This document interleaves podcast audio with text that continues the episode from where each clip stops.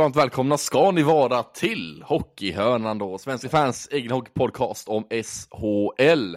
Tillsammans med Melker Wahlström och Andreas Lundeskog som vanligt här då.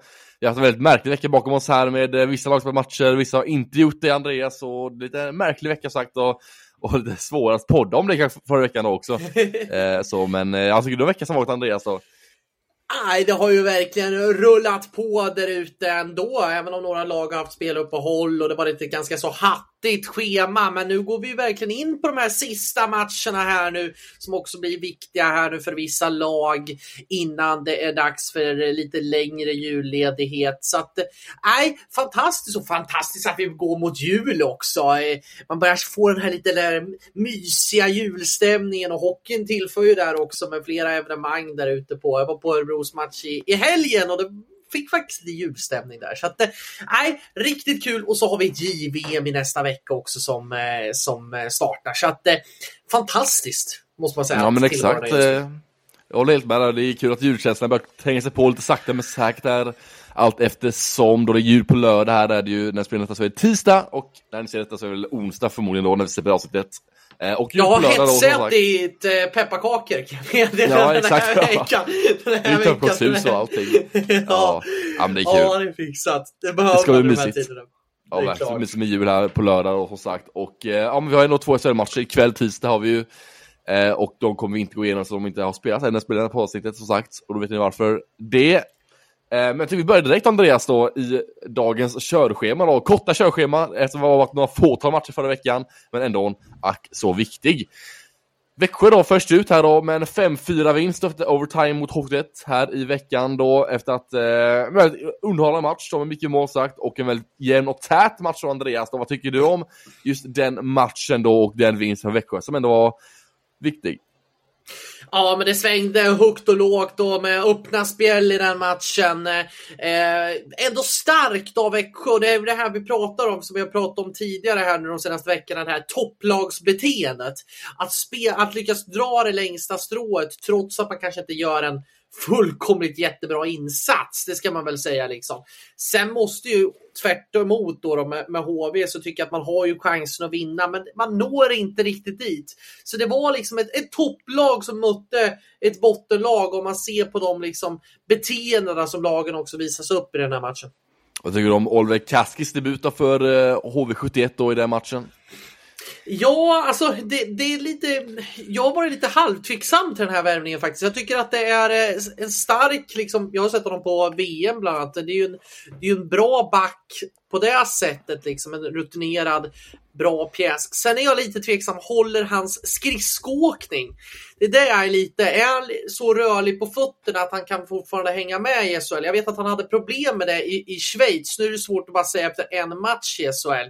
Eh, men i Schweiz så hade han ganska så stora problem med just det, av vad jag har hört från scouter och sådär, vad man har sett själv. Eh, I KHL där han har varit väldigt framgångsrik så så är ju inte liksom skridskoåkningen så utpräglad på det här sättet. Det är ju så i SHL att klarar du inte av skridskoåkning då, då, då straffar det sig direkt i den här ligan. Men vad, tror, vad tycker du om hans eh, debut? Mm, jag, såg inte, jag såg inte matchen, så jag har inte sett så mycket av hans debut. Men jag har lite av vad Intia gjort under VM, bland annat lite, sån, lite klipp från, eh, och highlights från KL och eh, Schweiz. Har jag sett lite, och en intressant back tycker jag helt klart, och med en ganska offensiv uppsida då tycker jag, med bra skills, eh, bland annat i grund och botten. Kanske lite sämre defensivt egentligen i grunden så, men eh, tycker nog att han har mognat de senaste åren i sitt spel och sett han eh, under många år där och så att han hittat en utveckling bättre då och mognat, mognat sitt spel framförallt då framförallt i det defensiva spelet som blivit bättre här under årens gång då. Eh, men ja, så det blir intressant att följa den värvningen framöver tycker jag. Och jag tror det kan bli ett väldigt bra tillskott för Folket och en spelskicklig back som sagt och kan behöva tid för att acklimatisera sig i ligan då. Som nu oftast krävs för nya backar att komma in. Det gäller också att kunna hantera sin lite sämre skridskoåkning på ett bra sätt genom att hantera det genom att ehm, hela tiden ligga rätt positioner och hela tiden hålla motståndaren på utsidan, vinna dueller och jobba mycket med klubban istället. Istället för med skridskorna då. Eh, för att göra det så bra som möjligt ändå. Så det finns ett sätt att hantera det, även om man inte är jättebra skridskoåkare. Kan man hantera på ett annat sätt då, som sagt. Och jag tror nog om Oliver ska hitta rätt verktygslåda för det och kan ändå hitta rätt eh, verktyg för att kunna lösa det problemet så kommer att han kunna vara en stor tillgång då för HV71.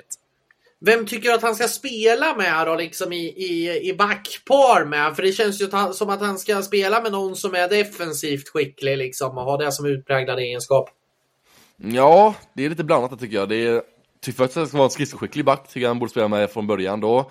Jag ser gärna att han kanske också spelar med typ Viktor Sjöholm, kanske Jag ska gärna se en ganska energisk, skridskoskicklig ung back då. Så jag ser gärna Kaski och Viktor Sjöholm i ett backpar, även fast jag tycker att André och Sjöholm var bra när de spelade tillsammans backpar, tycker jag ändå att Sjöholm skulle göra det bra bredvid Kaski tror jag, alltså, i ett andra backpar ihop det. Det tycker jag verkligen. Ja, varit Hjalmarsson och Martinsson ett första där och sen Sjöholm och eh, Kaskit andra och sen har vi det tredje med André eh, och Daniel Glad kanske eller något sånt. Mm. Känns ändå ganska rimligt. Eller tycker du Andreas? Ja men absolut. Alltså Sjöholm har ju tagit stora kliv. Det är ju kanske den backen som jag tycker har tagit, eh, jag menar, en av de backarna i SHL som har faktiskt tagit störst kliv eh, i den här säsongen. Och jag tycker att han har blivit mer och mer trygg och mer och mer väx, vuxit in i SHL-kostymen. Så det hade väl varit en jättebra eh, backpartner till Kaskere. Ja men exakt, eh, hans utlåning till Södertälje gjorde han någon susen helt enkelt och efter att han kom tillbaka lite så har han varit riktigt, riktigt bra för HV71 som sagt. Men det var Växjös korta vecka det, Andreas. Och vi går vidare till nästa lag då, som är Skellefteå AIK, som eh, städar av veckans enda match mot IK Sam då med 4-0 efter att de stängt ner matchen ganska tidigt då. Nu är det skottstatistiken med 10-0 tror jag efter bara några få minuter in på matchen. Eh, och en väldigt dominerande insats från Skellefteå AIK som vann ganska övertygande och dominanta var de i den matchen kan man lugnt säga. Ja, alltså jag vet inte, ska vi, ska vi döpa om eh, Skellefteå SHL till Skellefteå Hockey League istället? Eller? Ja, exakt. Just nu så är det dominans. Alltså jäklar vilken nivå de spelar på. Alltså de är ju kompletta nu, framförallt när de har det här, liksom få, få ha alla friska och krya. Jäklar vad kompletta de är i sitt spel. Och framförallt offensivt, alltså det bara lyser, det bara gnistrar om det. Så snön där uppe i Västerbotten bara gnistrar om hockeyn där uppe också. Så att, äh, fantastiskt kul att eh, se faktiskt Skellefteå just nu.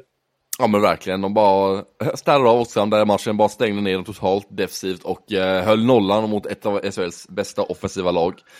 Så väldigt imponerad tycker jag där av, av Skellefteå. Det tycker jag Arvid Lundberg är en stor pjäs och en viktig pjäs just det anförandet där att han håller den defensiva nivån på väldigt hög nivå och på en stabil nivå. Tillsammans med Jonathan Pudas också som eh, loggade många minuter i matchen också och gjorde väldigt bra och stabilt och gjorde en gedigen match. Precis som hela Skellefteå AIK gjorde i den matchen tycker jag. Verkligen, det, det var ju inget snack någonstans egentligen i den här matchen. Skellefteå är ju totala härförare totalt och eh, på, på alla håll och kanter. Eh, Oskarshamn har ju inte mycket att sätta emot egentligen. Eh, och, och det är ju det här att vara ett topplag. Och det, det jag tycker att Skellefteå har varit så jäkla duktiga på det är att man har hittat en kontinuitet i segrarna. Man har fått de här långa segerraderna och har hittat en liksom kontinuitet i sitt spel som man hela tiden har kväll efter kväll efter kväll. Och det här är en lagmaskin som är svår att få stopp på nu liksom. Ja, men har vi någon eh, segersvit här på väldigt många matcher här nu känns som 15 13, raka, eller 13 raka.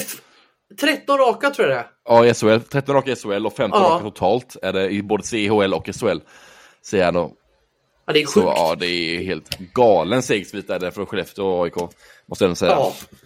ja, men det är helt galet. Undrar vad rekordet ligger på i eh, här i eh, antal segersviter. Vänta, vi ska ta och titta här. ja, där måste också vara i toppen kan man tycka. Nu liksom 16 raka ja. totalt sett, eller 15 raka totalt och bara 13 i SHL då.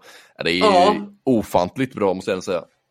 Flest raka vinst, alltså flest vinster i rad har eh, i SHL genom tiderna har eh, Färjestad faktiskt. Sedan eh, 2001-2002 då hade laget 16 raka segrar. Men det är bara mm. tre segrar upp dit. Ja det är nära innan man tar ner det rekordet åren innan. Eh, men det som är problemet med mest det är att Växjö ändå leder tabellen, även fast Skellefteå har 14 raka vinster. Det säger, eller 13 raka vinster, det, det säger nog en hel del också om Växjö också. Så vi kommer gå in på senare också. Absolut. Eh, så det är också helt imponerande. Att, eh, de hade ju, först hade de, Skellefteå hade ju en eh, dålig svit från början med åtta raka förluster någonting.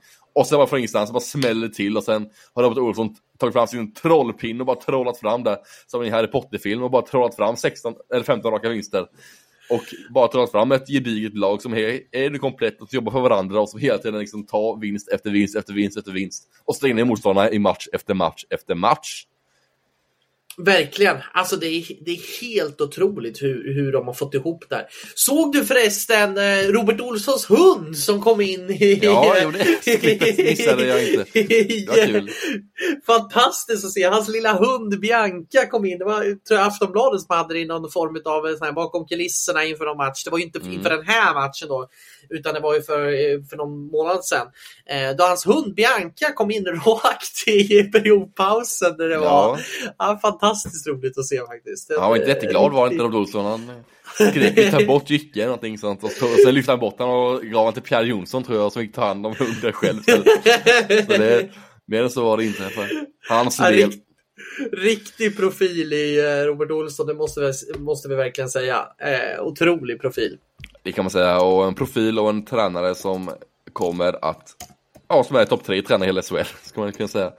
Ja. Med sin magi som han nu har gjort med Skellefteå AIK också. Men hur långt tror du det här laget kan nå då? Nu ska vi inte gå händelserna i förväg, det är långt till slutspel, men, men alltså hur, hur, hur Jag tippade ju Skellefteå etta i grundserien och tippade att de skulle vinna SM-guld inför säsongen. Ja, det är bra stalltips just nu. Ja, så det håller jag, med, håller jag kvar vid. Det är mitt stalltips där, SM-guld och etta i grundserien för Skellefteå AIK som jag hade inför säsongen. Ja, och framförallt hur de har fått ihop de här juniorerna. Alltså, det är otroligt hur många juniorer. Alltså Axel Sadin Pellika som kommer in och liksom är en form av Erik Karlsson light nästintill i sina ageranden. Och Elias Salmonsson har väl visserligen han varit lite skadad och sådär, men alltså hur de har fått ihop, det spelar ingen roll hur, hur liksom, om man har några bortfall. Man tar upp en junior och, och de, det, det jag gillar är att juniorerna verkar ju spela på ungefär samma sätt som A-laget. Det är liksom ingen akklimatiseringsperiod för dem att hoppa in i de här matcherna och även färga och göra liksom avtryck av det här. Ja men exakt, det känns också som att eh, Robin Olsson har både tålamod och så att de juniorer kan komma upp men de kan också göra misstag liksom i A-laget men det gör inte så mycket utan man bara går vidare och läser av dem istället och det tycker jag man jobbar på ett väldigt bra sätt där i Robert Olsson är bra på att hantera just juniorerna som kommer upp och gör på ett väldigt bra och framgångsrikt sätt och har gjort det under många års tid här och, och eh, Stalin Pellegrino tidigare han känns lite som en Rasmus Stalin-light-spelare tycker jag. Lite samma tendenser tycker jag i hans spel som man såg på Rasmus Stalin han var i den åldern i Frölunda istället.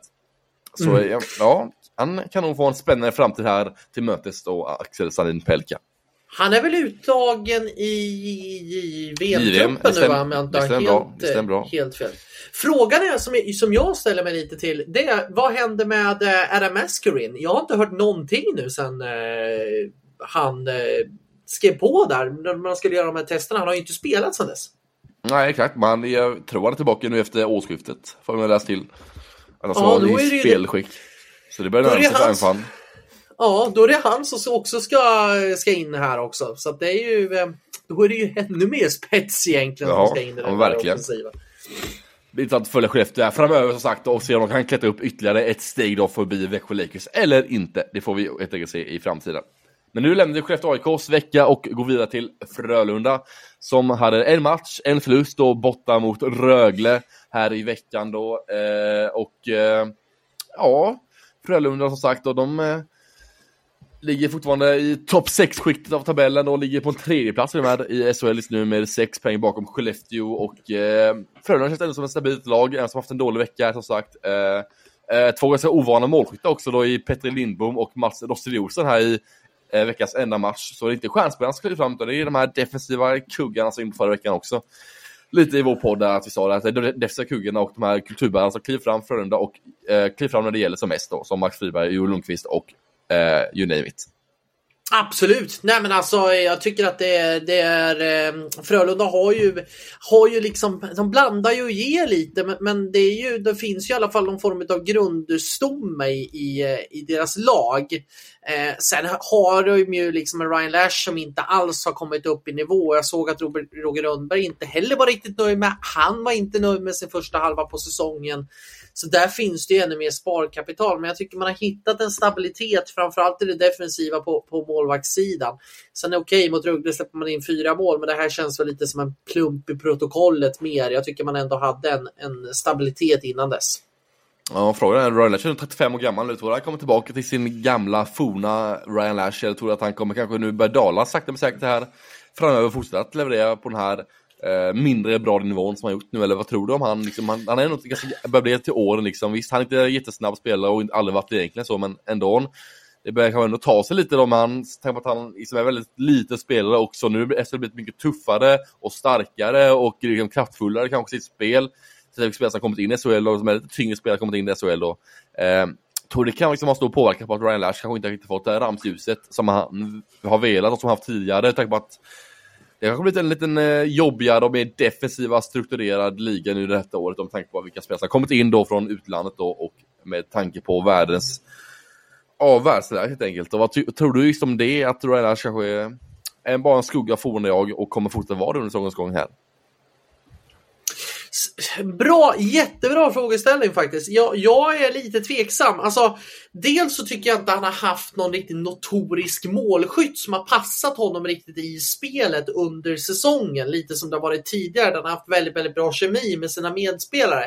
Det tycker jag saknas lite i år. Men framförallt så saknar jag det här drivet. Jag saknar ju det Roger Rönnberg kallar för the beast mode från Ryan Lash. Alltså när han är så här jobbig, eh, har intensiteten, och har kreativiteten. Jag tycker att det har saknats. Han har känts väldigt beige egentligen i sin i, sin, eh, i sina prestationer under hela säsongen. Så jag är lite tveksam. Finns den här hungern där? Finns den här liksom entusiasmen kvar? För utan det, då, då är Ryan Lash en ganska så OK spelare om man säger så. Då är han långt ifrån den toppnivån som man eh, förväntas.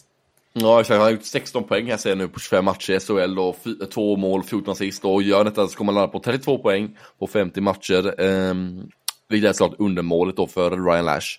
Med tanke på att han förra säsongen gjorde 66 poäng och i år så är det så var hälften av poängen om man fortsätter sin takt här nu. Uh, så det blir intressant att följa här om Ryan Lash kan Ja, alltså måste, han måste alltså dubbla sin poängskörd andra halvan av säsongen nu för att kunna nå upp till fjolårets succé. Men ja, det känns som att det är väldigt långt ifrån att han skulle kunna göra det faktiskt, om jag ska vara ärlig. Ja, jag nej, men det, jag tror att det... Han kommer kunna utmana upp i toppen av poängligan faktiskt. Nej, jag säger nog max 40-45 poäng och det är väl ändå det är väl okej, okay, men det är ju inte alltså en sån spelare ska ju alltså. Jag förväntar mig 50-55 poäng kanske av en sån spelare. 50 minst. Mm, jag tror alltså 40 poäng, liksom, ja, max 40 tror jag. Alltså, jag tror det är svårt att komma upp liksom över 40, tror jag det kan bli väldigt svårt för han. Uh, Ryan Lash. Ja, nej, där har ju Frölunda ett rejält sparkapital. Men sen, sen tycker jag att man har hittat en lite bättre defensiv struktur. Det, det, måste man ju säga. Alltså, det läckte ju väldigt mycket bakåt förut och det var väl där vi sa att runt jul där eller runt december så skulle mm. Lasse Johansson hitta in i spelet och det har han ju faktiskt gjort. Även Petter Limo tycker jag på backsidan har hittat in i spelet också. Han var också väldigt kritiserad i början då, väldigt seg och eh, ja, kritiserad som sagt. Men han börjat in, liksom, hitta liksom, rätt i Frölunda nu också och eh, Även han börjar leverera på SHL-nivå och börjar ta för sig ännu, ännu mer i Frölunda och få ännu mer förtroende nu av tränaren och eh, även supportrarna börjar hylla honom lite mer än tidigare också. Verkligen. Väldigt kul för en sån back liksom, som hade en tuff start som du säger. Men det är just det här att bygga långsiktigt. Att inte, inte liksom bara skeppa iväg någon för att de inte presterar just där och då. Utan bygga långsiktigt. Och han är ju också en finsk VM-back också så har ju den rutinen och det finns potential. Så att det, nej, jag tycker Frölunda hittar mer stabilitet. Det blev en plump i protokollet den här veckan. Yes, och potential finns det även i Färjestad då, som hade en eh, ganska tråkig vecka även de. Eh, en match och en 1-0 torsk blev det hemma mot Luleå, så det var inte det blåste inte i träna denna veckan för Färjestads del. Om man säger så. De noll gjorda mål då och eh, man hade problem med skador under säsongens gång här med Björklund bland annat borta och Lennström borta och Wikström borta och ännu fler än så borta. Men nu börjar även Björklund och Lennström träna i veckan så jag också, så de börjar nu komma tillbaka alldeles strax känns som. Och man verkar ja. behov av att få tillbaka just de spelarna tycker jag. Björklund har varit väldigt pådrivande tycker jag på forwardsidan och är en väldigt, väldigt bra spelare på SHL-nivå även jag tycker han bevisade under säsongens inledning att han är liksom en bra SHL-spelare och även en pådrivare i Färjestads spel. Passar perfekt in i deras system också, sett till liksom det här grovjobbaren även som han är och även har den vassa spetsegenskaper i sitt skott och även är liksom en poängspelare i grunden. Ja, nej men det är ju så. Alltså, Färjestad lider ju enormt mycket av, av skadorna tycker jag. Nu såg jag väl att Lennström också gick av. Det är väl tänken att han ska spela där efter jul, men jag såg att han gick av träningen tror jag idag faktiskt när ja. vi rapporterar det här. Eh, dessutom så kommer beskedet att Mikael Wikström är borta ytterligare tid här nu också. Är ju fortfarande inte kvitt. Det är väl en hjärnskakning han har åkt på tror jag. Ja, hjärnskakning. Eh, som fortfarande gör sig och det kan ju liksom, man vet ju aldrig, det, det kan ju ta väldigt lång tid med sådana typer av skador och där ska man ju vara oerhört försiktig. Eh, så det är ju just deras skade, skadeproblematik och eh, det är svårt att leverera på liksom topp, topp, topp nivå varje kväll när man, har, när man åker på de skadorna faktiskt. Ja, men väldigt tråkigt avslut för Färjestad på detta fantastiska år som ändå haft med SM-guld och annat. Så avslutar målet med en 1-0-torsk mot Luleå eh, detta året, eh, tyvärr då Färjestads del. Men de har chansen på alla dagar. Ja exakt, ja, just det, just det, just. Men de fick fira jul som förlorare, ja, det fick de göra. göra. Så det var ingen, ingen fin julklapp då för Färjestads supportrarna med både Wikstrand och Lennström borta ännu längre än beräknat och med en 1-0 mm. torsk mot Luleå som sagt då efter att Leo Komarov hade sänkt dem i matchens enda match, eller i matchens enda förlust. Och veckan, veckans enda förlust och veckans enda match, ska också säga. Exakt. Eh, så. Vi lämnar Färjestad tycker jag och vi till nästa lag som är Timrå, som också är en förlust den här veckan då efter 6-1 torsk mot Rögle då den här veckan. Robin Hansel heter endast heter deras ena målskytt den här veckan då, Andreas. Tycker du om Timrås eh, dåliga vecka? Ja, det var väl, var det inte fjärde raka förlusten nu också? Eh, det, det var eh, inte alls eh, något bra facit för Timrås del och framförallt jag trodde att Rögle faktiskt skulle få det jäkligt tufft, men det blev ju en promenad i parken som man brukar säga. Eh, ja, Timrå kanske fick lite slut på bensin den här eh, tiden nu på året och man har fått den här lite förlustsvackan och kanske har det lite tufft att ta sig ur den. Jag tycker framförallt defensivt så spricker det ju den här veckan. Man, man tappar lite linjer, man tappar liksom ett organiserat spel, man, man går bort sig för mycket i defensiv zon. Och då är ju ett lag som Rögle, ja, man kan ju vara med och utmana och nu som dessutom har fått upp farten nu. Så att eh, en tuff vecka för Timrå och det gäller nog att man studsar tillbaka här nu i mellandagarna. Framförallt om man ska vara med och utmana liksom om en topp 6-plats. Vilket jag tror kanske kan bli svårt kanske i längden, men, men men, eh, men om man ska vara med och utmana så får det inte bli de här långa förlustraderna. Utan att. Eh, man får, eh, kan bryta den här nu i mellandagsmatcherna kanske.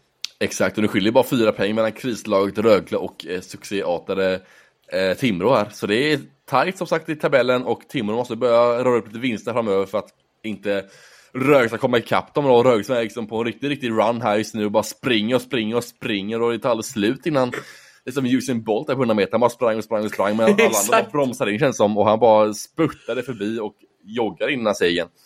Lite kändes som Rögles match den här veckan mot Timrå, att Rögle var bättre lag, bara gasade på hela matchen i Rögle och var helt enkelt bättre lag den här veckan. Eller den matchen mot Timrå och tog en välförtjänt 6-1 vinst.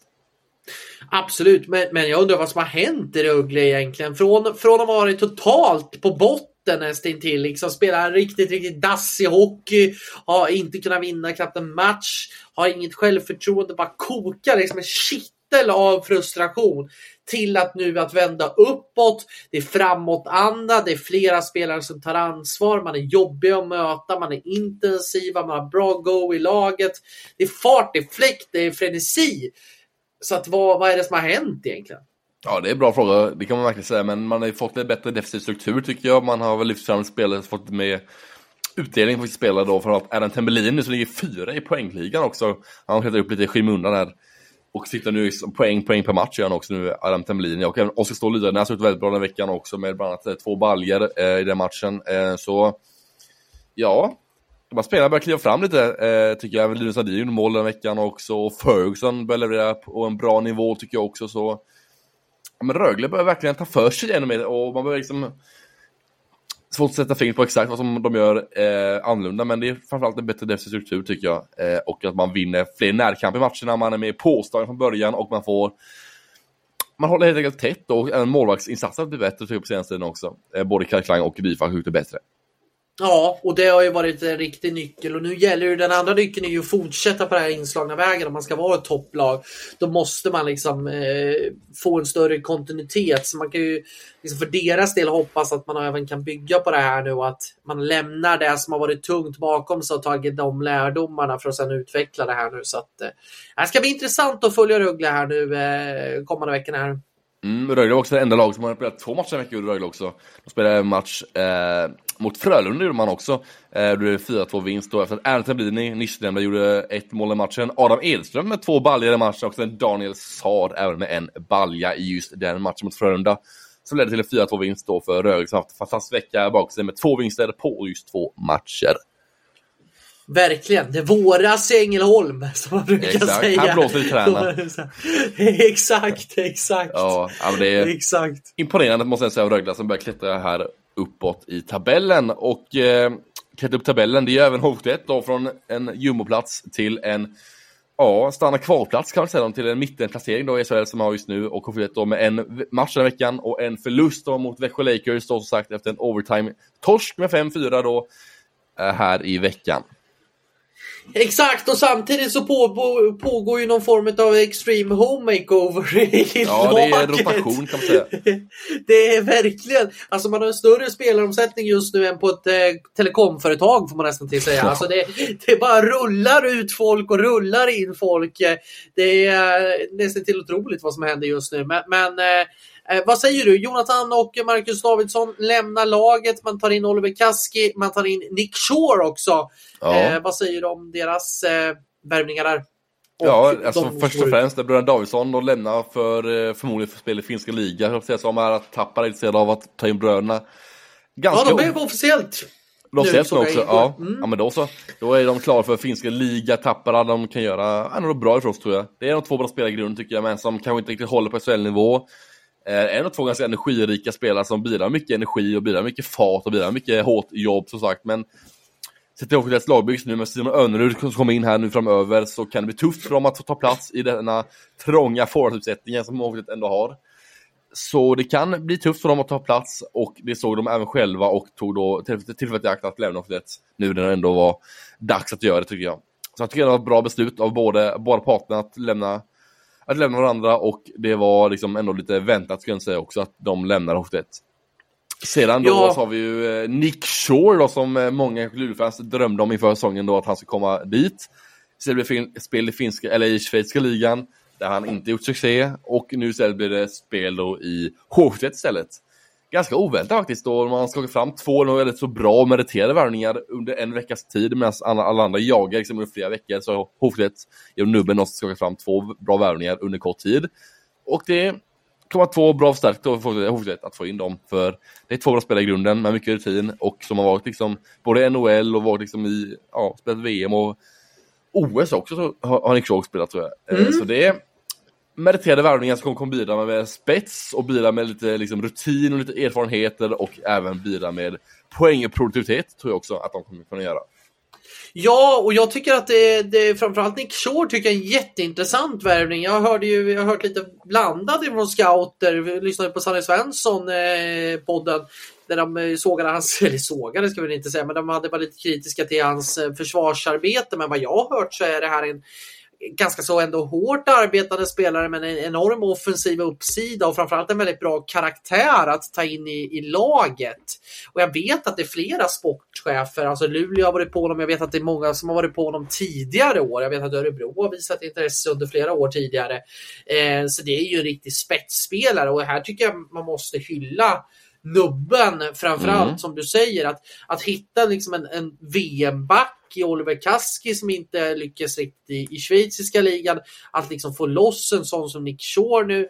Alltså jag tycker det är jäkligt bra gjort av en sportchef när alla andra lag liksom sitter och verkligen trånar och trånar och trånar. Då är det han som lyckas landa de här bra värvningarna. Ja, exakt. Och inte allt för gammal heller. Nick Shore, han är 30 år gammal liksom ändå, så det är inte allt för gammalt heller. Så en bra spelare, en bra ålder och jag tror ändå att det kan bli han kan göra det bra i hotet. Bara man liksom ger honom tillräckligt med utrymme och förtroende liksom, i det offensiva spelet och ger honom en roll som första- center och ger honom en roll i powerplay och ger honom liksom, det här offensiva liksom, utrymmet så tror jag han kommer kunna leverera bra. Sen kanske inte han är bästa i defensiven heller, men jag tycker att man har många defensiva spelare i hotet som kan göra jobbet där ändå. Så Nick Shaw ska ändå få utrymme till att liksom, hantera sina offensiva liksom, spetsegenskaper då på ett bra sätt, för det kommer kunna hjälpa hotet i längden tror jag. Absolut, om man tittar på hans poängstats, alltså jämför det med Schweiz säsongen 2020-2021. Eh, det är ju bara ja, men, knappt ett år, eller två år sedan. då gjorde han ju 27 poäng på 22 matcher i Zug där då. då. I, eh, I Zug var ju magisk. Sen hade han det lite tuffare i Ambre Piotta. Eh, KHL har han väl kanske inte riktigt varit lika poängstark, men han har ju levererat på alla annan nivåer så att jag tycker att det, är, det ska bli intressant att se honom. Jag har ju bara sett honom på OS lite tidigare där han hade kanske en lite mindre roll i det här amerikanska laget. Spelade ju bara tre matcher också. Eh, men eh, och, och sett honom lite i NHL och där tycker jag att han har bidragit med framförallt energi och, och eh, det ska bli intressant att se hur han kommer lyckas i HV71 och svensk hockey. Som sagt, jag tycker att nubben gör det jäkligt bra ut efter förutsättningarna. Vi har sagt att det är svårt att värvas under, under säsong, men jag tror faktiskt på de här värvningarna ganska så mycket. Ja, verkligen. Jag håller helt med. Jag tycker det är hans två bästa värvningar den här säsongen. Eh, sett till liksom spelar, liksom, hur de är som spelar och så, tycker jag det kan bli slå väl ut tror jag faktiskt att få in de här två. Väldigt viktigt som sagt att eh, spetsa laget ytterligare. Absolut, absolut. Så, det var Hockeyet vecka det och nu lämnar vi Hockeyet och går till nästa lag då som vi har och det är faktiskt eh, Örebro som är nästa lag ut. Och Örebro då en vinst på en match den veckan då, en 6-3 vinst mot Leksand eh, med sex gjorda mål framåt och väldigt imponerade av eh, Örebro då som att lyckas med det då har vi Max Hardegård två mål, Oskar Ek, eller Oliver Eklind två mål också, Mattias Bonnier gjorde mål och Linus Öberg även den sista målskytten där då. Ehm, um, jag tycker de Örebro står veckan Andreas. Nej, men det är ju superstarkt. Alltså, det är otroligt. Jag var på plats själv i Bern Arena faktiskt. En fantastisk inramning. Det var oerhört häftigt att få, få på plats där det var liksom fullt, full, helt fullsatt och hela arenan kokade. Eh, alltid roliga matcher mot Leksand. Det har blivit lite rivalitet faktiskt mellan Örebro och Leksand. Man möts i slutspel och sådana saker och även följt varandra genom Hockeyallsvenskan och sådär tidigare. Eh, Örebro hade ju som sagt, ska vi också säga, åtta åtta spelare borta inför den här matchen. Man har liksom haft, eh, man hade ju eh, Marenis avstängd, Musik har varit på skadelistan tillsammans med Gustav Backström, Emil Larsson. Eh, och sen Tre ju spelare. Ja, mm. exakt. Det är Milton Oskarsson, eh, Leo Karlsson och Elias Pettersson. Eh, och sen tog man ju in lån från Almtuna med Jakob Ragnarsson bland annat. Och båda de här lånen blir skadade dagen innan match, så de kunde inte vara med liksom. eh, och Örebro fick tänka om, man lånade in en annan spelare från Almtuna och ändå lyckas man ta en jäkligt stark seger mot Leksand eh, där eh, Rodrigo Abols tycker jag visar eh, prov på en stark nivå.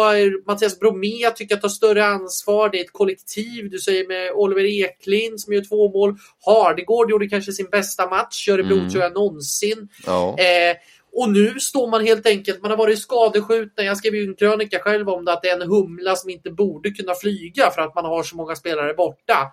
Och nu sitter man här helt, helt enkelt och har fyra raka segrar. Jag förstår inte, hur kan man inte förlänga med Niklas Eriksson just nu? Ja, det är en bra fråga tycker jag också, men eh, får vi se vad som händer i framtiden. Men Hardegård som sagt har haft en väldigt, väldigt bra liksom, match mot Leksand och varit väldigt bra på senaste tiden tycker jag också. Han börjar ta steg verkligen och kunna liksom, etablera sig lite mer i SHL tycker jag Hardegård gör här i Örebro just nu. Tar kliv i den säsongen och gör det väldigt bra tycker jag ute. Um, lite som... Verkligen. Ja, en stabil back som han blivit nu lite av. Från början kanske var en offensiv spelskicklig back, men nu börjar bli lite av en stabil back som ändå ligger rätt i defensiven och gör ett bra jobb över hela isen. Ja, jag tycker att han har varit eh, kanske en av Örebros absolut bästa spelare under den här månaden. Har tagit jättestora kliv i sin utveckling och sitter ju dessutom på ett utgående kontrakt just nu.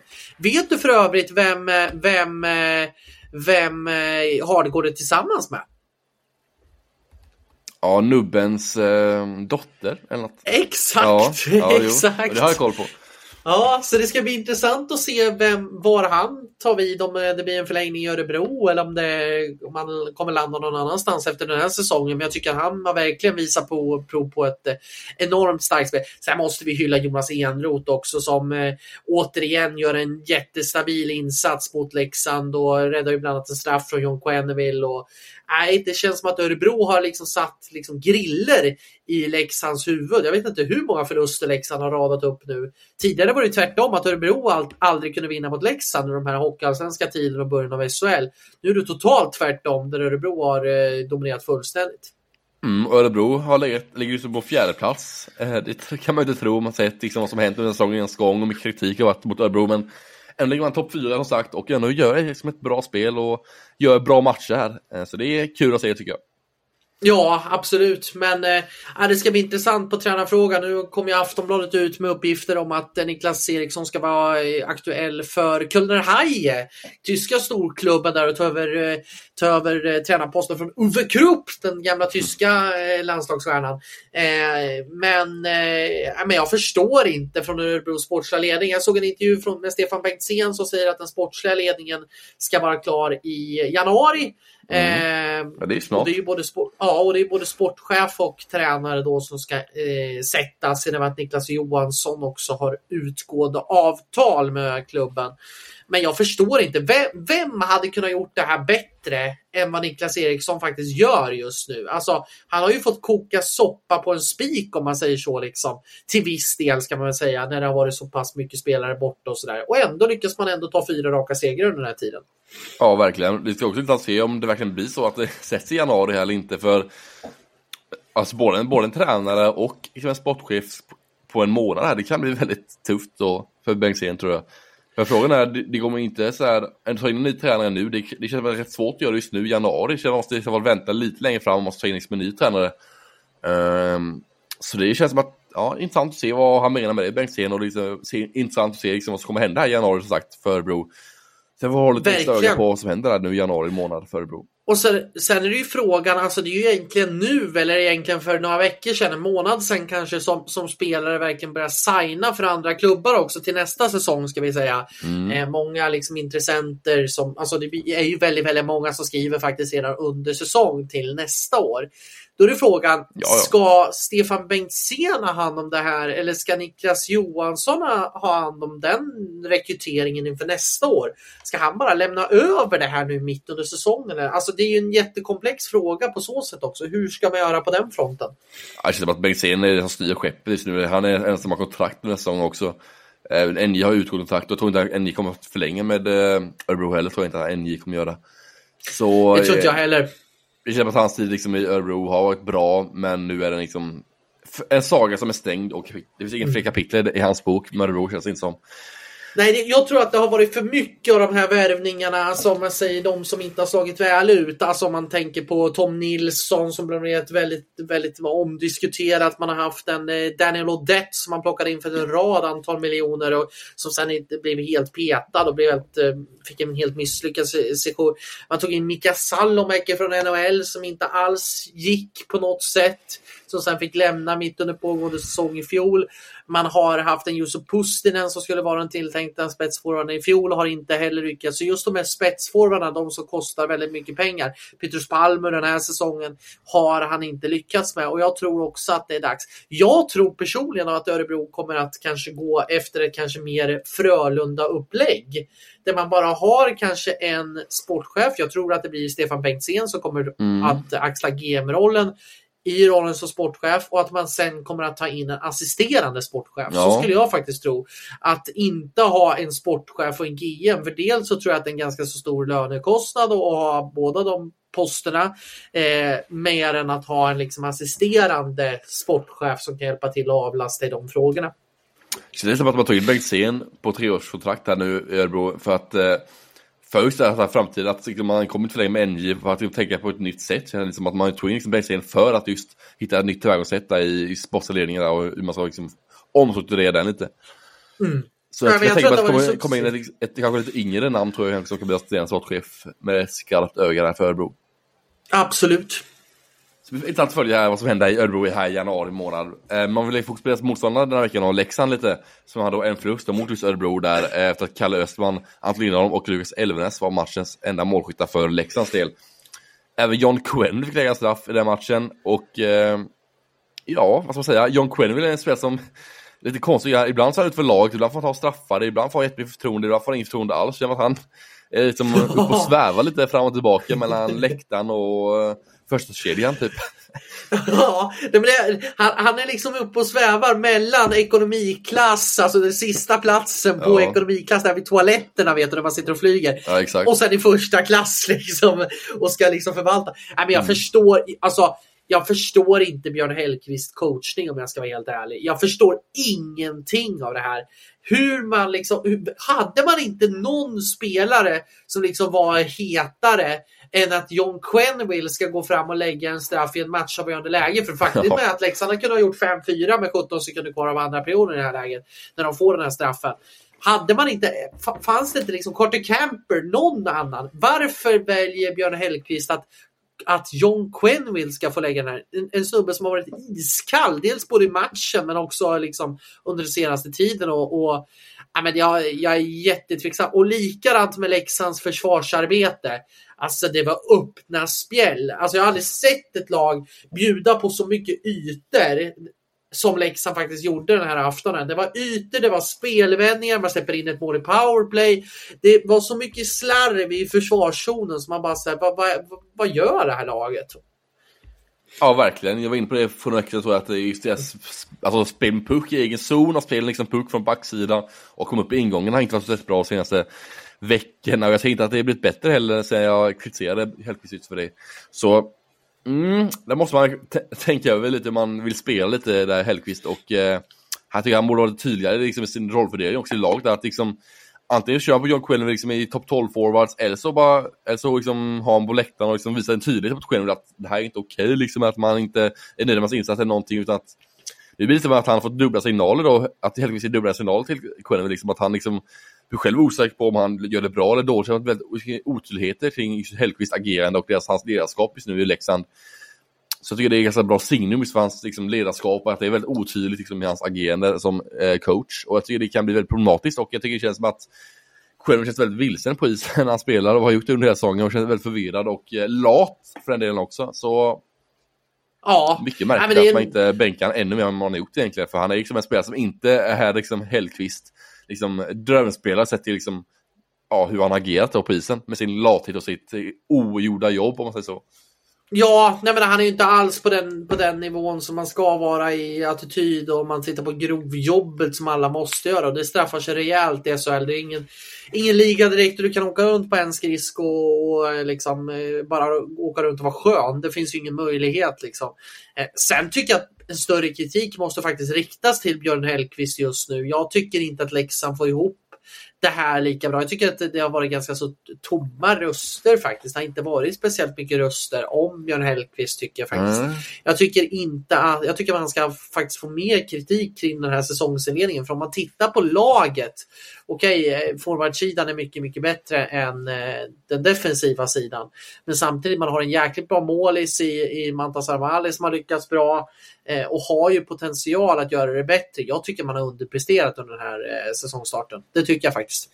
Ja, verkligen. Jag tycker Ja, så Leksand har ju liksom en budget som borde ligga liksom topp tre i ligan och liksom ett lag som är topp tre i ligan också egentligen på pappret. Så man har liksom fått en bättre backsida i år med liksom Ola Alsing och Anton Lindholm på backsidan. Man har liksom en väldigt bred forwardsida om man säger så, med många bra spetsforwards och liksom en ganska komplett forwardsida också med många grov, grovjobbare också. I Jon Knuts bland annat och lite sånt. Men ändå får man inte till det i Leksand. Det är någonting med Björn Hellkvist och Leksand att det går liksom inte hela vägen tillsammans. Utan det är en mittenplats, eller liksom en inplacering, sen åker man ut play-in och sen får man jobba efter därifrån. Och nu känns det samma sak i år då, känns som att det kommer bli. Känns man kommer kanske åtta eller nio år som Leksand kommer göra. Och åka ut till play-in igen. Och gör man mm. det, då kommer han få sparken, Hellkvist. Eh, eller få sparken. Så Leksand mycket jobb på tycker jag, sitt, sitt spel. Och man är inte bättre än att åka ut för play just nu, tycker jag inte att man är. Så det är... Nej, alltså... Alltså, alltså, det, det... Om man alltså, blir spelar så här under hela säsongen och är inne i slutspelet Om man tar sig play-in då, då känner man att det kommer inte lyfta för Leksand play-in heller. Så inget lag man är rädd för att möta play-in tycker jag inte. Nej, och det jag känner det är att jag, jag, när man sitter vid pressläktaren i Örebro så sitter man nästan ovanför båda lagen. Eh, och det jag kände när jag, var, när jag liksom lyssnade lite till Leksands sida och tittade lite hur Leksand agerade i båset. Det var att jag kände att jag känner ingen riktig harmoni. Det känns inte som att man är pådrivande. Det kände jag i Örebro, liksom att så fort någon täckte skott, men då applåderade alla. Alla stod och var aktiva i båset, både från ledarhåll men också från liksom spelarna själva. Att, att vara aktiva, pusha varandra. Jag såg inte det i Leksand. Nu kanske det var hur matchutvecklingen blev, det var underläge och sådana saker. Men det är sådana så tydliga signaler där du kan se hur ett lag mår och hur ett lag agerar tillsammans i ett kollektiv. Det ser jag inte riktigt i Leksand just nu. Nej, verkligen. Och hade jag haft, hade jag haft Linköping just nu, då hade jag inte varit jätterädd för att möta Leksand i ett play-in, om man säger så. Utan Leksand måste verkligen jobba på sina delar, jobba på detaljerna mycket mer och vara tydliga i sitt spel och tydliga i sitt ledarskap, måste Hellkvist vara. För att kunna lyfta detta Leksand mot toppen igen. Eh, där man egentligen hör hemma, eller där man egentligen borde vara, sett till liksom förväntningar och laget och mycket därtill. Så frågan är om Hellkvist kan sitta säkert i båten här framöver. Det får vi helt enkelt se och framtiden får helt enkelt utvisa om det blir sant eller inte här framöver då. Men det ska bli kul att följa Leksands här resa efter årsskiftet. Verkligen. Då. Yes, det var Leksands vecka det och nästa lag ut är eh, Luleå. Luleå mötte Färjestad och vann med 1-0 här. Eh, en vinst för Luleås del den veckan, som sagt, på en match efter att Leo Komarov sänkte Färjestad, som sagt, inne på det tidigare. Eh, och Luleå ligger just nu på en åttonde placering då i SHL-tabellen. Eh, man börjar då stabilisera sig lite i SHL-tabellen, nu börjar liksom komma ifrån där bottenskiktet lite mer och sikta lite mot högre bredd, eller högre, ja, högre placering helt enkelt. Vad tycker du om Luleås då enda vinst den här veckan? Det var en så kallad Luleå-seger. Ja, det, var säga, inte... det är typisk Luleå-seger. det var liksom en patenterad Luleå-seger. Det var inte någon speciellt sprakande, det var inte kanske jätteunderhållande. Men man tar segern och man gör det framförallt efter ett jättefint målvaktsspel av Joel Lassinantti som räddade samtliga 25 skott i den här matchen. Eh, så att det är väldigt mycket, mycket där jag tycker det liksom lade grunden till segern. Jag tycker att det var väldigt, väldigt starkt faktiskt av, eh, av Luleå att, eh, att ta en sån seger på bortaplan mot Färjestad där man har varit i en i en liksom tuff situation. Och man Örebro också borta i kväll här nu eh, innan man går på jullov. Eh, så att eh, en viktig seger för Luleås del. Ingen sprakande, ingen riktig liksom frenesi, men man gnetade till sig. Det är så här, Lars Lagerbäck-seger var det. En typisk Luleå-seger heter det med andra ord. Exakt. Den bara stänger ner motståndaren fullständigt och spelar sin defensiva tråkhockey med en Joel Lassinantti i kassen som räddar allt som kommer mot honom. Det spelar om det är en puck eller korv eller någonting som kommer mot honom. Det är bara han räddar allt som kommer liksom mot sig. han räddar allt som kommer emot sig bara. Det spelar bara Han är som en vägg som bara täcker allting där. Och gjorde väldigt, väldigt bra där mot Färjestad som många gånger tidigare. Och ja. nolla fanns eh, CV-lista också. Ja, Eller han har väl tangerat eh, Stefan Livs eh, rekord där på 45 nollan i grundserie och slutspel. Såg jag här mm, också. Det kan nog stämma. Det stämmer Så nog. Att, eh, det var oerhört, eh, oerhört starkt. Men starkt också att ta andra raka segern faktiskt för Luleå. Det, här var, det har varit en, eh, alltså hade man förlorat de här två matcherna så hade det varit rejält tufft faktiskt. Yes, och sista laget ut den här veckan då är IK Oskarshamn, de är sista laget ut den här veckan. Det är alla som spelat utan Brynäs, Lidköping och Malmö har inte spelat den veckan och därför kommer vi inte gå igenom deras vecka som inte har spelat matcher. Helt enkelt, ingen match att gå igenom. Eh, men också han spelar en match i den här veckan och det blev en förlust mot Skellefteå AIK med 4-0 då. Efter att blivit nedstängda totalt av Skellefteå eh, under sin enda match den här veckan då. Efter Skellefteå dominerat matchen och Oskarshamn hade inte så mycket att säga till om. Och det är också Oskarshamns andra raka match utan ett enda mål framåt. Det är lite det... oroväckande, men det är, det är lite ja, häpnadsväckande om man sätter vilket lag man har och deras spets offensivt. Verkligen. Men de har väl haft ett antal avbräck nu också med landslagssamlingen ja. va? Eller Jiri Schmeichel var borta i landslagssamlingen, mm. men annars så var det inga större. Det var Lilleberg var borta och Johansson var borta och så var det Jiri Schmeichel framförallt då, som var borta då, som en av toppspelarna i offensiven. Så han saknades väldigt mycket i matchen. Han liksom med sin, tyng, sin tyngd, sin kraftfullhet och sin, hårda jobb och väldigt stark på puck. Eller han liksom behövde säkert den matchen som att han saknades ordentligt där för oss. Ja, nej men alltså det är ju, eh, det var inte mycket kanske som funkade. Jag tycker egentligen att Joe inte håller faktiskt nere siffrorna med ja. sitt målvaktsspel i den här matchen. Det kunde ha blivit, eh, kunde faktiskt blivit ännu, ännu större siffror för Oskarshamn gör inte en bra match. Det nej, det var en dålig match. Konstatera. Alltså 43-17 i skott. Ja, det är ju inga imponerande siffror. Uh, 39 räddningar, någon är bra ute i knätet där sagt. Uh, men uh, ja, 43 skott är alldeles, alldeles, alldeles mycket skott emot sig. Det är ett problem man haft Oskarshamn under hela säsongen här och det problemet fortsätter, fortsätter denna veckan också. Så det är oroväckande för Oskarshamn då med tanke på att um, nu funkar ju varken offensiven eller defensiven utan nu är det liksom ingenting som klaffar för Oskarshamns del. Och det är lite oroväckande som sagt men vi får se vad som händer här framöver. Verkligen. Jag läste en intressant intervju faktiskt med, eh, med eh, Thomas Fröberg här idag faktiskt. Det var ju så att eh, Adam Almqvist är ju uppsatt på waivers, alltså att bryta kontraktet med sin KHL-klubb. Men man har ju stängt dörren fullständigt och det, det är för, av förklarliga skäl. För Almqvist var ju en av de spelarna som faktiskt signade efter, vad i alla fall jag har fått information om. Mm, exakt, att, efter att eh, han signade efter eh, invasionen. Rysslands invasion av ja. Ukraina. Så att, eh, där har man ju gjort det helt. För gör man en sån grej. Alltså, jag, jag kan förstå att man kanske kan ta det upp till diskussion om en spelare som har suttit på ett längre kontrakt och försökt ta sig ur. Alltså en sån som Jakob Lilja eller någon, någon sån. Då kanske man kan diskutera eller, eller se liksom. Men, men att ta in någon spelare som har, har gjort ett aktivt val. Never in my life att en klubb skulle kunna göra det. Nej, jag hoppas inte någon SHL-klubb agerar på det sättet att man tar in en sån spelare som har stridskontakt efter invasionen och som ja, helt enkelt har valt Ryssland före något annat. Och det är ju inga bra signaler eh, som sänder för den spelaren och därför tycker jag man borde låta bli att värva in en sån spelare som bland Adam Ahlqvist och Robin Press och ja, några där till. Ja. Men jag tror också Adam Ahlqvist är aktuell för Baris, Asta, eller Baris Santana i kazakiska KR-klubben då, så det lär bli flytt dit kan jag tänka mig. Ja, Exakt, det är väl det, är väl det liksom. Eh, nej, men, men å andra sidan, vad, vad, hur tror du Oskarshamn ska kunna få in någon försvarsjätte? Alltså behöver man göra någonting sånt? Behöver man ta in en, en defensiv back? Man har ju fått in en Bengtsson där, men, men finns mm. det någonting annat man behöver göra för att försöka liksom stabilisera den här defensiven? För att släppa till 39 skott, då, eller 43 skott, då är det ju det är svårt att vinna hockeymatch då. Ja, det tycker jag man borde finna en stark till tycker jag backsidan. En defensiv stark back tycker jag. Man var ju, var ju på liksom, eh, Rickard Neronell här för några veckor sedan. En tjeckisk back från tjeckiska ligan. Mm. Eh, man tackade ju nej till slut. Eh, efter att jag var muntligt överens, överens med Oskarshamn så tackade jag nej. Eh, så det, man måste få in liksom en defensiv stark back tycker jag Oskarshamn då. Man behöver liksom ha för många undermåliga backar att leverera, som Volker bland annat tycker jag. Alldeles för slöj den säsongen och levererar på väldigt, väldigt undermåligt sätt och inte tillräckligt bra för att platsa i SHL-lag tycker jag inte.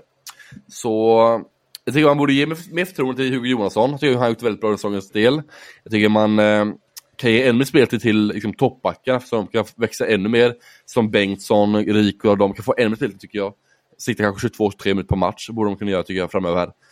Mm. Jag tycker man borde sagt, ta in en defensiv kugge till, man borde ge Jonasson mer speltid och man borde bänka William Borg Kroy och eh, eh, kanske dra ner på istället på Robin Norell och Lukas Pilö kanske. Mm. Mm. Nej, för Pila har ju inte riktigt kommit upp kanske i samma nivå som han hade i fjol. Då han var väldigt, väldigt, väldigt bra faktiskt. Mm. Ja, verkligen. Och eh, ja, det känns som att eh, en del förändringar där borde göras. Och både sett speltid men kanske ta in en förstärkt till tycker jag. Som sagt, man borde göra. Mm, definitivt. Men det var denna korta, konstiga summering av denna veckan som var väldigt kort som sagt. Då, eh, efter att ha fått väldigt få matcher den veckan, efter att ha haft väldigt annorlunda spelschema här nu inför jul. Eh, men så är det ibland. Eh, och då går vi över till veckans hetaste då, som är segmentet då för varje vecka som körs som vanligt här då. Och vi börjar direkt då med veckans spelare och här kan man välja vilken som helst känns som. För det har bara varit en match i veckan för de flesta lagen. Så det känns som att liksom, det finns många att plocka på och eh, jag har valt Oliver Eklind här i Örebro eh, som spelare den här veckan.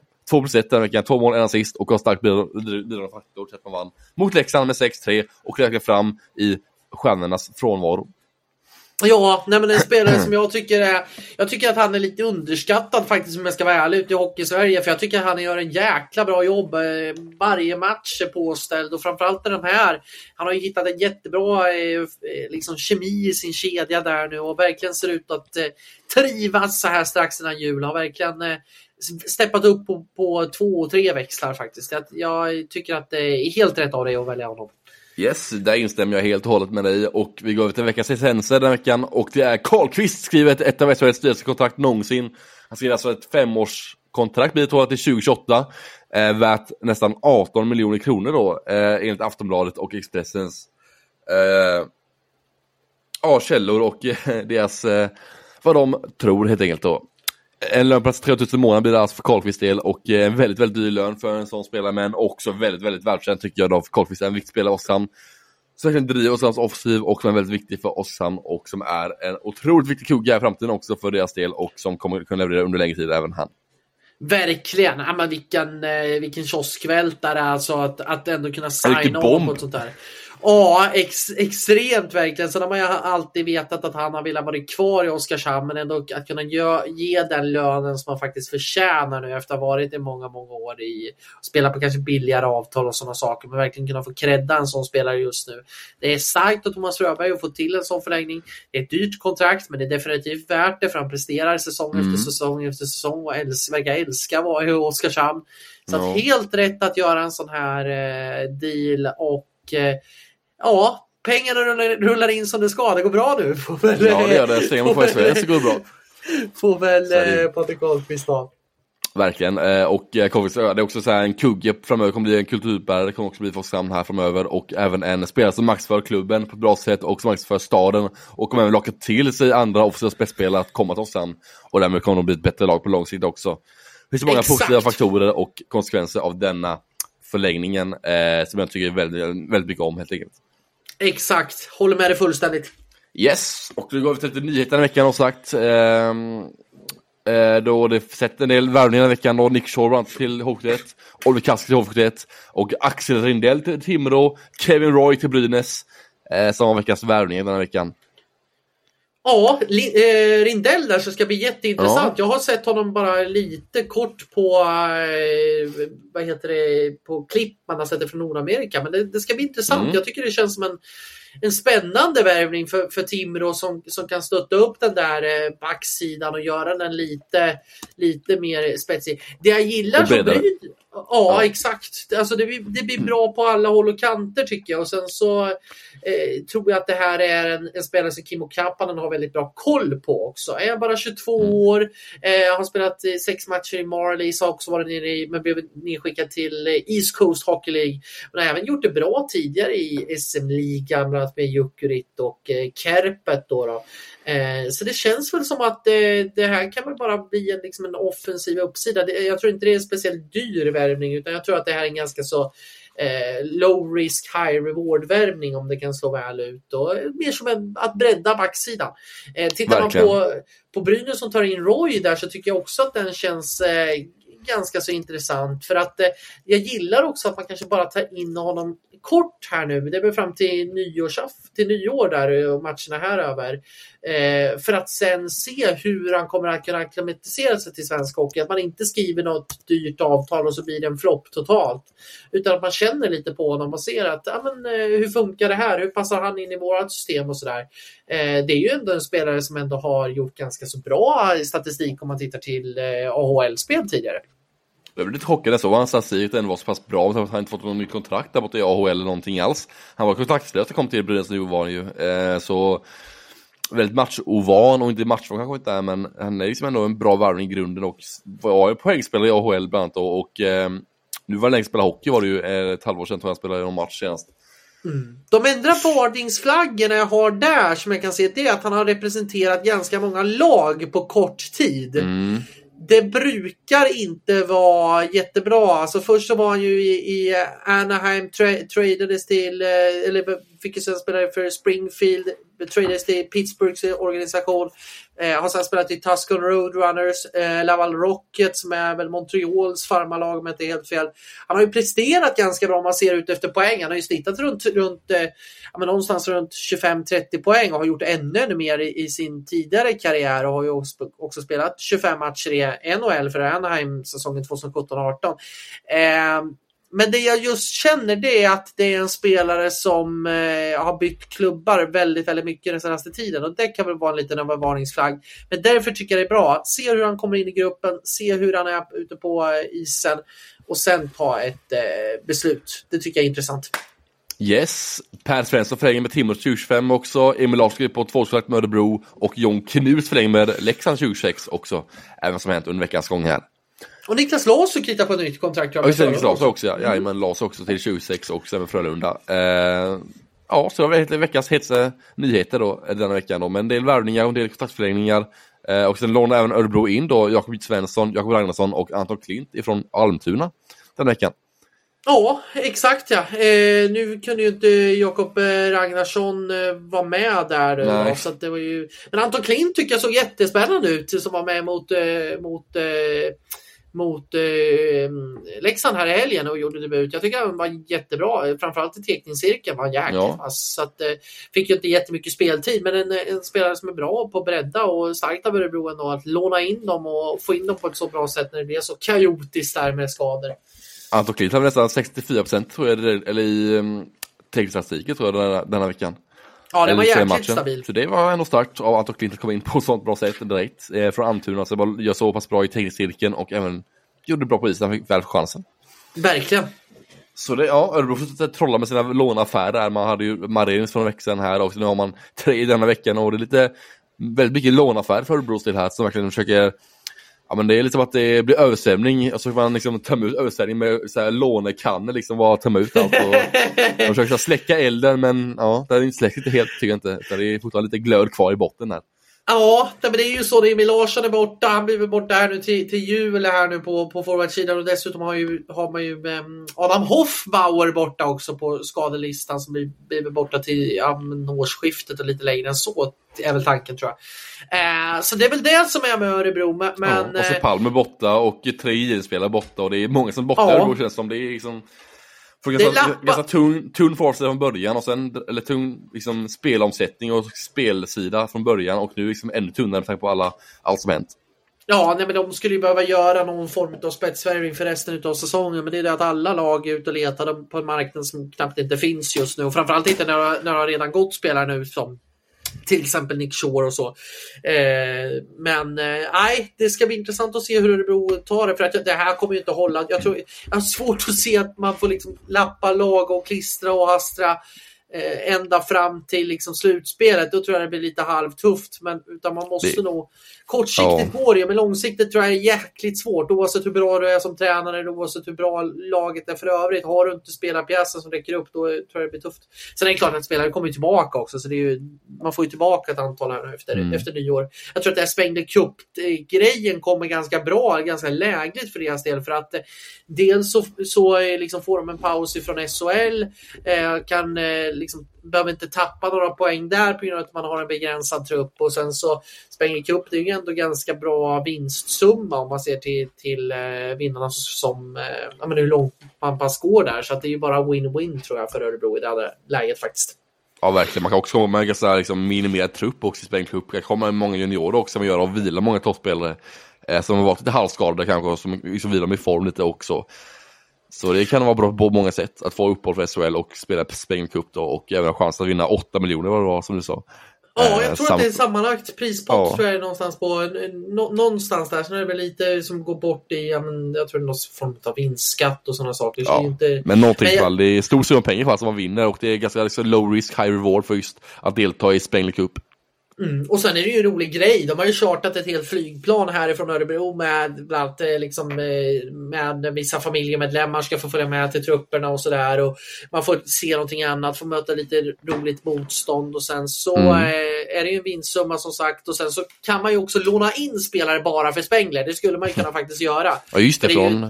Schweiz också. Exakt, både från Schweiz och även ifrån Sverige om man skulle vilja det som bara vill spela Spengler Cup. Liksom. Det, det går ju att göra faktiskt. Så att, eh, jag tror att Schweiz har väl speluppehåll då tror jag också. Med ja, jag helt fel. Så, att, så att totalt speluppehåll ända fram till eh, över JVM tror jag. Så att, eh, ja, men jag tror att det är en ganska bra lösning. kommer ganska så lägligt för deras del.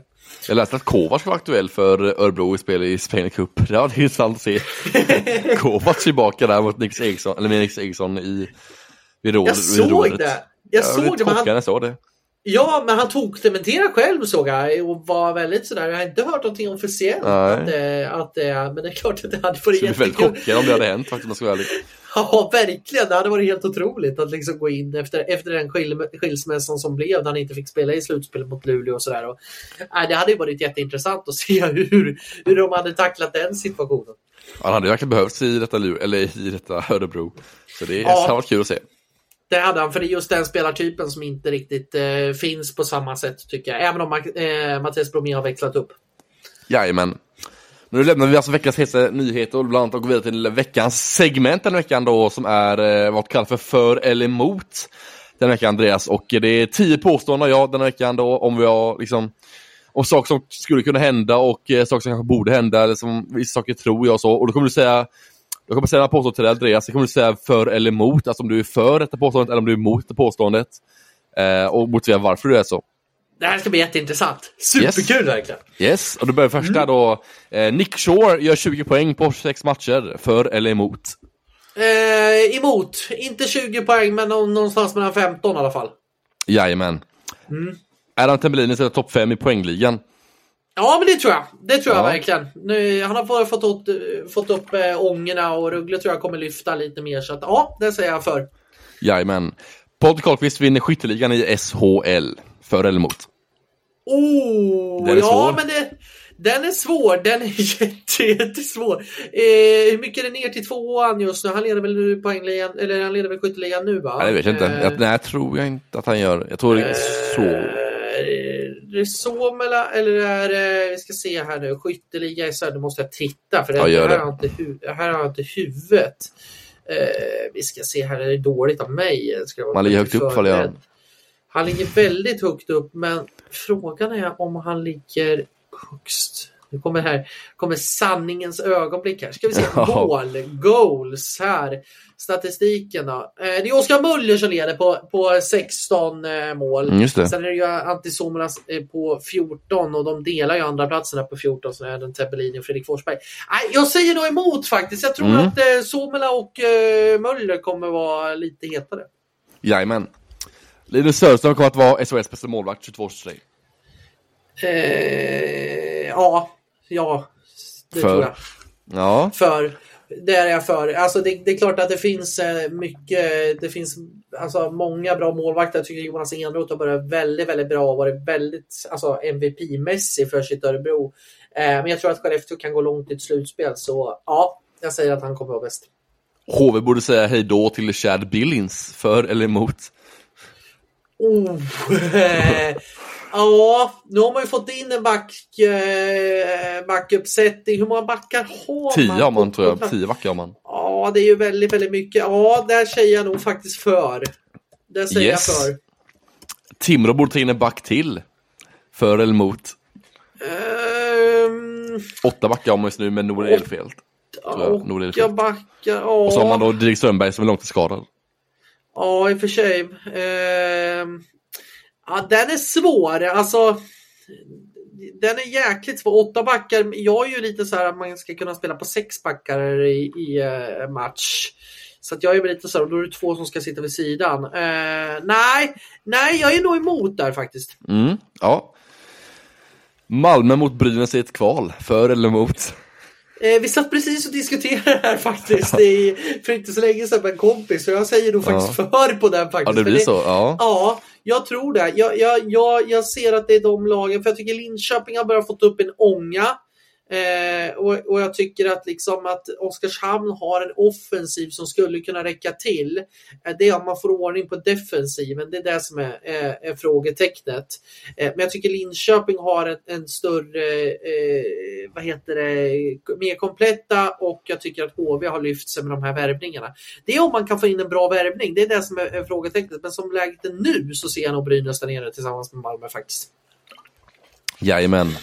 Eh, Antti Somla kommer att skriva ett NHL-kontrakt. För eller emot? Ja, det måste jag säga för, för jag har ju lovat att göra en sak om jag, om jag, som jag gjorde förra Just det, det har jag glömt bort. Ja, just om man det. inte gör det. På. Så att, det ska jag kanske inte påminna dig om, men nu kanske det är kört. Ja, det blir mer och mer tveksamt att han kommer verkligen göra det där. Så jag... ja, ja, det är frågan är om, om man är så liksom. Men samtidigt, KHL finns ju inte på samma sätt och jag tror kanske mm. inte att NHL-klubbarna vill, vill signa. Jag, jag tror definitivt att han lämnar för Nordamerika, sen om man spelar i NHL, det är tveksam till. Men han kommer definitivt skriva ett avtal med en NHL-klubb, det tror jag. Yes, Robert Olsson går förbi Jörgen Jönsson och blir årets tränare. För eller emot? Oh, svårt. Jag tycker att Jörgen har ju gjort det så jäkla bra på kort tid.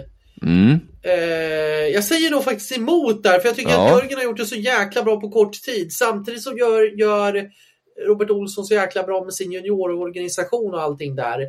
Svår, eh, jättesvår puck att ta. Jag säger nog faktiskt eh, emot. Jag tror att Jörgen kommer ta det där till slut.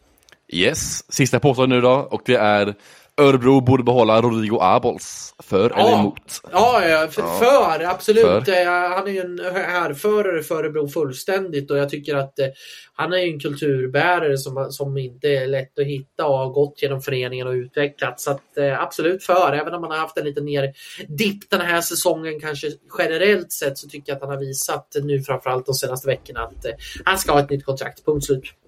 Jajamän, det var alltså veckans segment Andreas. Eh, vad tycker du om detta segment då? Var det någonting att spela vidare på i framtiden också kanske? Fan, ja, definitivt. Ja. Fantastiskt roligt tycker jag. Det är, du är alltid lika kreativ och påhittig och det är som gör det så fantastiskt att, att göra den här podden tillsammans med dig. Ja, tack så mycket. Och eh, sista innan vi avslutar podden så är det alltså ett quiz ska vi göra nu Andreas. Eller du ska göra det så um, det är det här väljer ja. jag igen i SHL-form igen. Du får ta liksom lite revansch här då.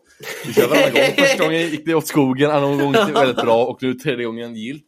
Igen då här. Ja, fantastiskt. Det här ska vi se ja. om jag kan få en Oskarshamns hjärnblödning eller om man uh, skippar det. Yes. Det ska bli intressant. Men Let's är, du förber är du förberedd? Ja, ja. Papper och allt, yes. Jag har eh, datorn här, vänta. Jag ska... Ja, datorn. Ja, det blir jättebra också. Det är bara för din egen skull. Jag tar min eh, computer här. Här ska vi se. Ja, då kör vi då. Då kör vi då. Vem är jag? SHL, alltså en SHL-spelare söker jag med andra ord. Mm. Yes. Nu bevarar vi ligan. Ja, exakt. Så spelar SHL nu ja. alltså. Yes. yes. En aktiv SHL-spelare som spelar i SHL. Ja. Yes. Fem poäng då. Jag har samma moderklubb som Sanny Lindström, Marcus Kryger, Andreas Borgman och Lukas Bengtsson. Ja, det är ju Huddinge det va? Uh, det är väl Huddinge. Men vem har det från Huddinge som är nu? I SHL? Nej, kör nästa. Yes, fyra poäng. Men det var inte förrän jag flyttade till eh, Stock eller från Stockholm eh, som karriären tog fart på riktigt. En flytt till en stad som är känd för sin välbevarade skolor gjorde susen då det var här leveranser kom från denna back. Kanske var det den småländska sjöarna som gjorde att det blev ett NHL-kontrakt. Oj! Skolor? Det finns ju, det finns ju inget universitet i Jönköping. Välbevarade historiska skolor. Välbevarade historiska, kan det vara Lund? Men det har inget hockeylag. vi har inget lag, vi har inget lag som spelar i Lund. Nej, du får nog köra trean här för att jag är... Mm. Nej, det står still i huvudet. Tre poäng. Det blev en match för denna klassiska kanadensiska hockeylaget där bland annat Oliver Ekman Larsson och Elias Pettersson spelar i idag. Senare det spel i Chicago Wolves och Utica Comets innan säsong 78 tog slut och sedan blev det en flytt till KHL och till Nizjnij Novgorod där det blev stor succé. Oj, ja, men nu vet jag! Nu, nu tror jag att jag vet. Jag tror att jag kan, eh, jag tror att jag kan eh, låsa här faktiskt. Mm. Jag säger Filip Holm! Ja. Filip Holm, Örebro. Yes får två poäng då. Mm. Denna 31-åriga back har hunnit med spel i tre SHL-klubbar, spel i Nordamerika, Schweiz och KL. Han har även gjort ett par VM Tre Kronor och han bär även med sig ett VM-guld från 2017. Ja, yes. känner du säker Andreas? Ja, men jag, nu är jag säker på han med 2017. Nu blev det så här bara så här. Mm, nej, men jag, mm. jag, känner mig ändå hyfsat. Ett poäng då. Denna Filip kan titulera sig som en av SHLs bästa backar och representerar ett dag ett SHL-lag från Närke. Andreas Åberg har som tre poäng! Oj, oj, oj, oj, oj, oj, oj, oj. Ja, det, där är, det där är jag faktiskt nöjd med. Jäklar. Men tänk den där Stockholmskillen. Men sen så när, när det där med, med fyran kom in, då tänkte jag, vad shit liksom. Men sen tänkte jag på att han har spelat i eh, i Vancouvers organisation. Och det var det Jajamän. jag tog på. Och han har spelat i Nizjnij Novgorod. Så det var det jag tog det på. Mm. Jävlar ja, men väldigt starkt att säga där. Du var typ cyklade när du sa Lund. Tänkte jag, vad fan säger du? Jag skrev ju småländska sjöarna som gjorde att det blev ett NHL-kontrakt. Så de tänkte, nu kommer hjärnblödningen snart tänkte jag. nu kommer härdsmältan här igen. Ja, ja, gissar på något helt annat. Nej men det, det, ja, fan jag går starkt nu alltså. Ja, nu blir det bara bättre och bättre tycker jag. Det är nu bättre. Ja. ja, jag var Sist inne var det två på poäng, det. Tror jag. Sist var det två poäng tror jag på, nu tre poäng. Så det blir bara bättre och bättre varje gång. Så blir det fyra poäng så kanske. Ja, och så har jag en femma där med Joel Lundqvist. Ja, just, ja, just den femma, just femma var det ja, det var snyggt. Den, den, har, den har man plockat, så nu är man fan Den on fire här nu alltså. Ja, verkligen. Att, eh, verkligen. Det är otroligt bra. Nej, men jag tänkte så här, först var jag inne på lite Tom Nilsson. Han är ju väl Stockholms kille och jag Ja, tänkte just så här, kan, kan han ha samma? Men jag tänkte liksom Stockholmskillar. Det var ju det enklare den här gången i och med att Djurgården inte spelar. Så det var ju, annars hade det ju varit Ja. tuffare tror jag. Men, Ja, men jag, ja. men eh, Eller jag skrev ju att, eh, här att, eh, men det var inte för jag flyttade från den Stockholms stad, eller Stockholms ort som gjorde att kreativt folk på riktigt. En flytt till en stad som känner sina välbevarade skolor, Växjö med andra ord. Gjorde ett sus när den här leveransen kom från denna back. Kanske var det småländska sjöarna som gjorde att det blev ett NHL-kontrakt. ja. Lakers, sjöar, Växjö, Ja. På spåret! Småländska sjöar. Fantastiskt! Vet du vilken SHL-tränare som är bäst på På spåret ska jag väl tillägga? SHL-tränare, Niklas Eriksson eller? Jajamän! Ah. Jajamän! Ja. Snyggt att du tog den. Det är Ja. faktiskt en av hans absolut bästa eh, kvaliteter utanför isen. ja. Han är helt grym där. Kulturmänniskan Eriksson där som sagt. Att Exakt. säga, jul med gott samvete Andreas då, utan någon hjärnblödning eller någonting sånt. Jajamän! Nu är jag stark. Ja, Nu är jag riktigt stark. Nu är jag riktigt stark. Nu är jag on fire här liksom.